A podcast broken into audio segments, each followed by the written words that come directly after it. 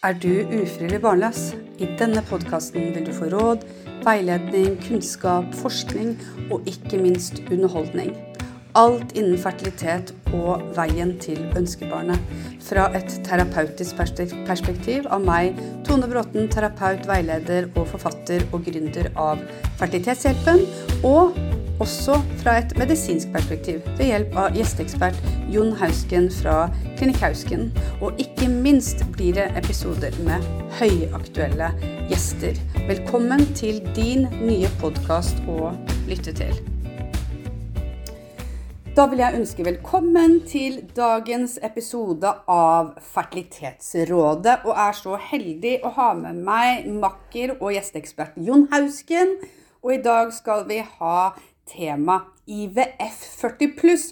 Og det er fordi vi har fått inn et ønske av en lytter, og tusen takk for det. Kom med ønsker til oss. Det liker vi veldig godt. Da kan vi snakke om det som interesserer dere lyttere der ute.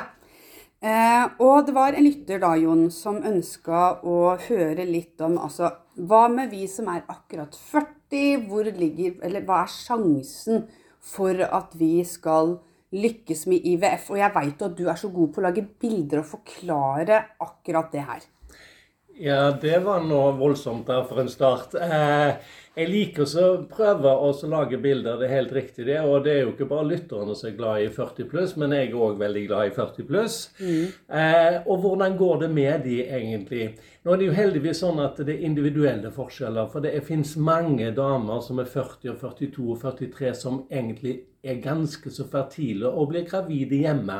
Så vi må ikke glemme det. Men det er klart at eh, 40 pluss, hva er det som på en måte de møter? Det er jo reduserte eggreserver. Og så er det kvaliteten på eggene. Så vi sier sånn at uh, i en statistisk sammenheng så er det slik at hvis en er 40 år, så kan en regne med at ca. ett av ti egg er normale.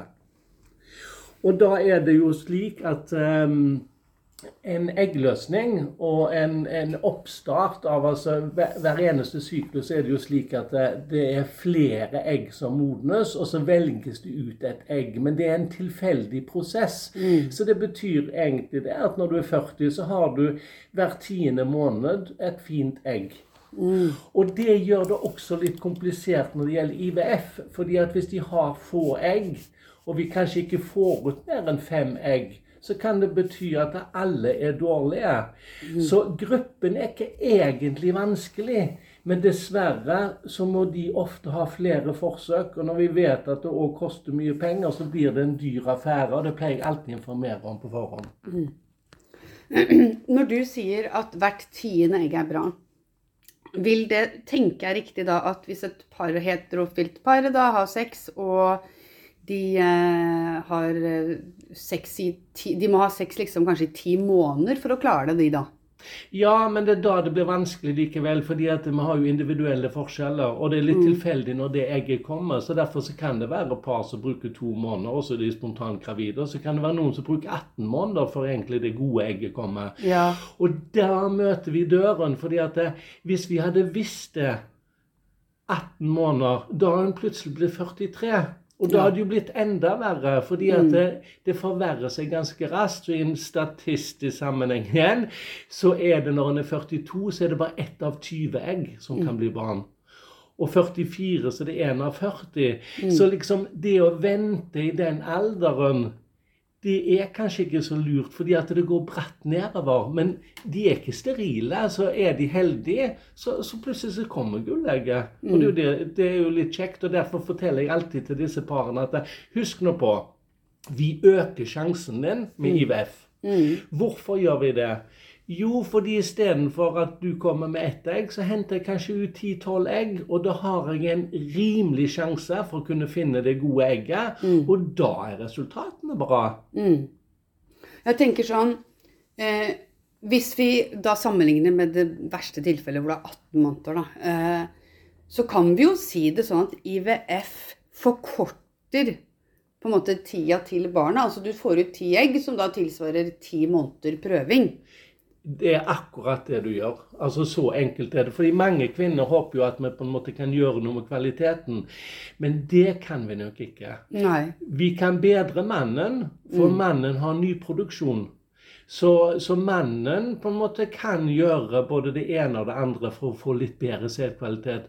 Og hadde det vært omvendt, og det skulle det gjerne ha vært at hvis det var kvinnene som produserte spermiene, og mennene produserte eggene, så hadde vi hatt bedre spermiekvalitet. For kvinnene de tar tak, de. De gjør endringer, de, og prøver å, å liksom maksimere. Mens mennene kan være litt slappe der.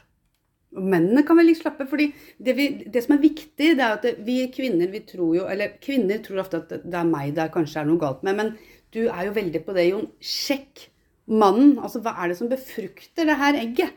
For det er vel viktig, Jon. Ja, altså, mannen er involvert nesten alltid, han. Og, og vi skal jo snakke om eh, spermier og, og mikroinjeksjon nå i en senere podkast, så, så der vil jeg snakke mer om det. Men husk at eh, selv en mann som har god sædkvalitet, kan være at han ikke befrukter eggene til den damen som han har møtt. Og da snakker vi om dette med match. Og den er blitt veldig viktigere nå faktisk senere siste par årene. Vi har alltid snakket om det, at det kanskje det, at de ikke matcher hverandre. Men det er faktisk bevis nå at det er sånn det er. Mm, mm.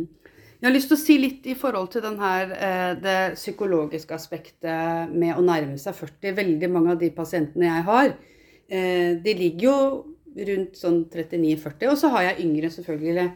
Men da er jo den frykten, den der krisemaksimeringstanken, tenk om jeg liksom aldri blir gravid. Og jeg tror det som er viktig i en sånn prosess, det er at det er å gjøre det man kan gjøre. Hva er, hva er det jeg kan gjøre for å øke suksessraten for at jeg kan bli gravid innafor mitt fertilitetsvindu?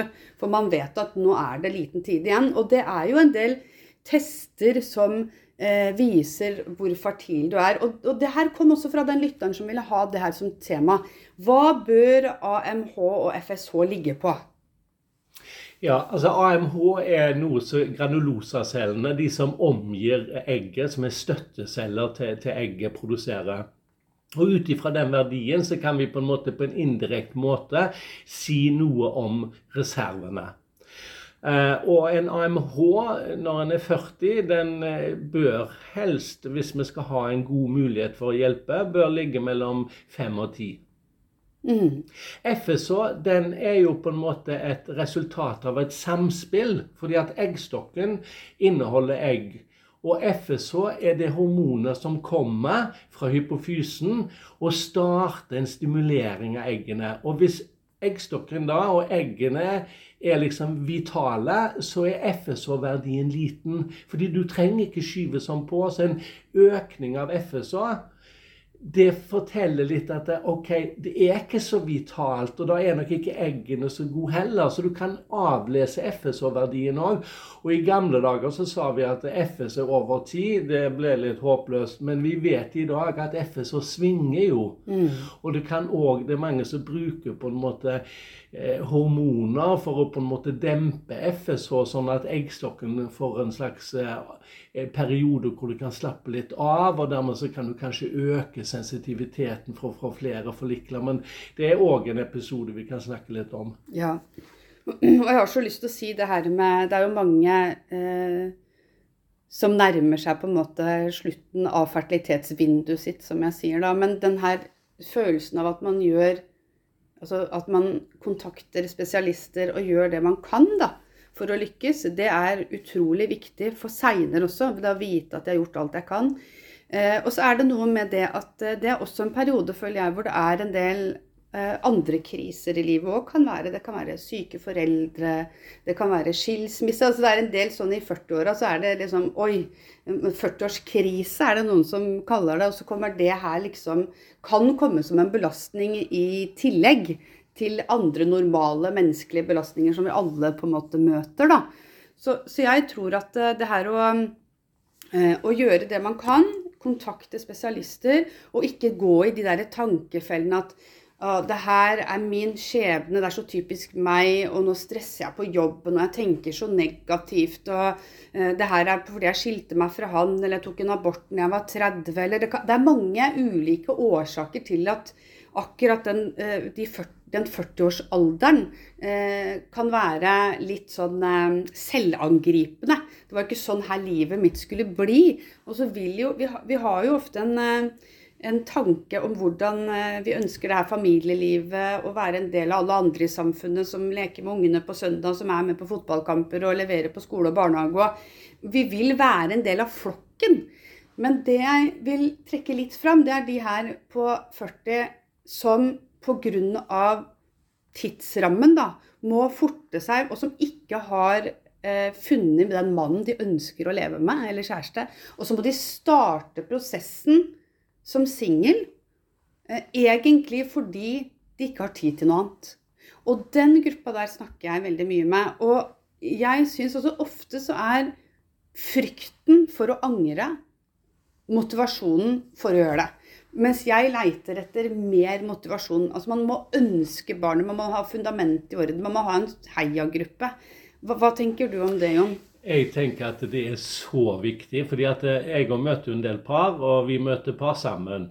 Og da er det dette som holder liksom, En må jo være litt optimist òg. Mm. Altså, en kan jo ikke på en måte gå gjennom livet og så bare tenke dette går jo ikke, og dette går heller ikke, og ikke får jeg bygd hytta mi ikke får, altså, Det er jo veldig et, et trasig liv, da. Mm. Altså, Vi må jo genuint tenke at dette skal vi klare. Og jeg syns det er litt gøy med den gruppen med de single, som du sier, for de er egentlig litt bedre. Mm. Hvorfor er de det? Jo, fordi at det er par som jeg møter de har jo faktisk forsøkt selv lenge før de kommer til oss. og Det betyr at det, da er det en gruppe som kanskje har noen problemer. Det trenger ikke være store problemer. Men single damer har kanskje ikke liksom vært i prøveperioden heller. Så, så de er kanskje mer normale. Så ofte har de bedre resultater. Er det sant? Ja, Sånn at singel og 40, det går veldig bra. Ja, ok. Da motiverer vi til det. Og så tenker jeg også det her å eh, Det her å Hvis du er så redd for å angre for at du ikke gjør det, kom heller til en samtale, så kan vi finne også flere motivasjonsfaktorer enn akkurat det frykt for å angre, tenker jeg. Eh, men for noen Det er faktisk noen single på rundt 40 som, eh, som egentlig føler et mer press. At de føler et press fra familie og venner om no, du burde gjøre det her, eller så kommer du til å angre. Og så vil de ikke selv. Eh, og, og det er jo, Man må jo finne den indre stemmen som sier at det her er riktig for meg og for mitt liv. Ja, altså nå Jeg tror at det er et stort press der ute. Ikke fordi at jeg opplever det selv, men eh, det, det sies, og eh, jeg vet ikke om jeg har lov å referere, men jeg tror det. For hun var jo så åpen selv. Hun som vi hadde på dette eh, God morgen Norge. Ja, hun som fryste eggene ja, sine. Hun sa til meg Du aner ikke hvilket press det er der ute, sa hun. Ja. Og hun var jo 30. Oi. Altså, Du aner ikke hvilket press det er. Mm. Altså For en kvinne i sin fertile alder at hun skal liksom Ja, nå er det jo dags for liksom familie og barn. Og det, det kjenner de på. Mm. Jeg har jo aldri, aldri kjent på alt, men jeg kan tenke meg at det er sånn Ja, det kan være litt tøft, det der, akkurat det der. Eh, Jeg hadde jo ei på rundt 40 i går som ikke ville si til moren sin at hun drev med det her, for hun orka ikke å oppdatere hele tida på 'nå går det sånn, nå går det sånn'. Så det er litt viktig å finne de rette støttespillerne også. Når det gjelder det her å stå i en sånn, eh, på et vippepunkt på 40 pluss, eh, så er det jo viktig også å si at det, om det ikke skulle gå med egne egg, da, eh, så fins det muligheter. Altså Det fins faktisk muligheter. Jeg pleier å si at det er så stor sjanse for å bli mor. Hvis du vil bli mor, så er det så stor sjanse. Men, men spørsmålet er hvordan, hvordan går veien dit? Og hvilket alternativ må man benytte? Men det er ingen som har liksom døra oppe til å bruke genetisk, sitt eget genetisk materiale, som klarer å vurdere 100 donor, og om de kan akseptere det. Det er veldig viktig, det er viktig å ha respekt for det. Fordi å bruke donor er ikke bare en videreførelse av vanlig IVF, men det blir et annet spørsmål igjen. Og det er viktig at hvor mye betyr det at jeg får et barn, altså mitt barn. Altså barn av donasjon, de, de vil henvende seg til deg som 100% mor og far. Men, men hva er det jeg ønsker, og hvilken etikk og verdier har jeg, og hva kan jobbes med? Og det kan jobbes med. Så hvis din verste frykttanke er at jeg ikke kan bli mor, eh, så kan du mest sannsynlig det. Men det er å bli mor med egne egg som kan være i fare hvis du bikker ganske langt over 40. Ja, og som jeg har sagt tidligere, jeg elsker jo eggdonasjon fordi at eh, de som på en måte da kanskje kommer i den eh, situasjonen at det kan bli et tema. Mm. Fordi det er jo en prosess. altså Først ønsker vi å bruke våre egne egg og spermier, og det vil jo jeg ha gjort òg. Eh, men i prosessen, og hvis en har forsøkt, så kommer en kanskje dit at OK, hvilke løsninger Eller hva, hva, hva, hva kan vi gjøre? Og da vet vi jo at før du er et barn, så, så, så, er jo det verdens beste barn. Og da er det sånn at å, jeg er så glad for at det ikke var mine egne egg, fordi ellers hadde jeg ikke fått dette barnet. Og det er jo verdens beste barn. Så eggdonasjon, og sæddonasjon for den saks skyld, det er en god løsning, det. For de som på en måte kanskje ikke får det til selv. Ja, men nå var det jo ikke de vi skulle snakke om. Nå skulle Nei, vi snakke om de, der, de positive. fordi du snakket om resultater. Ja. Altså, du øker sjansen ved IVF, spesielt hvis du har rimelig eggreserver, sånn at det kommer flere forlikler, og vi kan få hentet ut fem-ti egg. Og da ligger sjansen når du er mellom 40 og 42 på en sånn ca. 20% og det er ikke dårlig, det. Wow! Er det Men- 20 ja, Det er veldig bra. Men, men det er klart at da er det 80 sannsynlig for ikke lykkes. Så du Ja kan jo snu på det òg. Sånn Ja. det, det er derfor jeg sier at det, de trenger ofte flere forsøk. Og det snakker jeg, og det har ingenting med at vi skal absolutt ha de til flere forsøk og tjene penger på det, men det er bare sånn, sånt det er. Ja. Er du da 22 sånn, så har du kanskje 90 sjanse for å lykkes, og da, da holder det med ett forsøk. Mm, mm. Og så er det òg litt gøy at eh, de som da står i den eh, situasjonen at de føler liksom OK, alderen, og så har de kanskje hatt et forsøk og to, og så, så så vet jo vi at hvis dette da er et heterofilt par, eh, så sier jeg at eh, vet du hva, det er jo ingenting galt med dere. Det er jo bare naturen som gjør at det er ikke så mange gode egg, og dette er en tilfeldig prosess. Sånn at det kan alltid oppstå en spontan graviditet. Den kan komme når som helst. Så selv liksom den der eh, hatt fem IVF-forsøk, det gikk to år, og så plutselig skjedde det et mirakel. Og så blir de gravid hjemme. Nei, det er ikke et mirakel, for Nei. plutselig så hadde hun det gullegget. Ja. Så, Og så det er alltid mulig. Og vil det gullegget bli påvirka av tanker og følelser, Jon? Nei. Nei, bra. Det tror jeg man trenger å høre. Ja. At det er ikke fordi man tenker negativt eller er litt nedfor eller har stressa litt mye Nei, på jobben i det og, det, siste. og, og det hjelper heller ikke å kjøpe hund, som det av og til står i Ja, Det var ikke derfor du ble gravid, fordi Nei. du fikk den hunden. Nei. Nei, Og det er det jeg tenker at det trenger veldig mange å høre. Altså 20% Jeg syns 20% er mye på 40. Altså det, man går for den. Ja, absolutt. Jeg syns 20% er bra. Jeg. Men så er det den gruppen der som ikke kommer med så mange forlikler og egg. Sant? Ja, Fordi at hvis, ja. hvis vi med veldig stor stimulering bare får to egg, Ja. så er, er jo ikke vi så veldig mye bedre enn naturen selv. Fordi naturen plukker jo ett. Ja.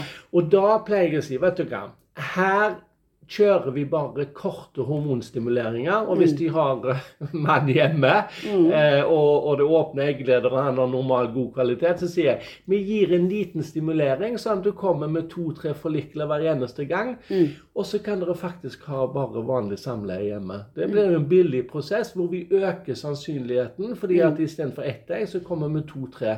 Og det er ingen stor fare med tvillinger når du kommer med så få egg. De som da er, er single og kanskje må ha donor, de må jo da gjennom inseminasjon. For de pleier ofte å si at IVF er det beste, men hvis det er kommet så langt at det er ikke mange egg å hente, da kan vi gå tilbake igjen til inseminering med enkle stimuleringer. Mm, ok. Da håper jeg og tror jeg at eh, du der ute på, som er sånn 39-40, eh, har fått svar på, på spørsmålet du sitter med, og tar tak eh, i egen situasjon, øker sjansen for graviditet, eh, og får litt hjelp og sparer masse tid ved å gjøre det. Tusen takk for at du ble med, Jon, og svarte denne lytteren på det aktuelle spørsmålet. Og så er det bare å følge med på neste episode, for vi har aktuelle og flotte spørsmål til dere der ute hver eneste sending. Ha det bra!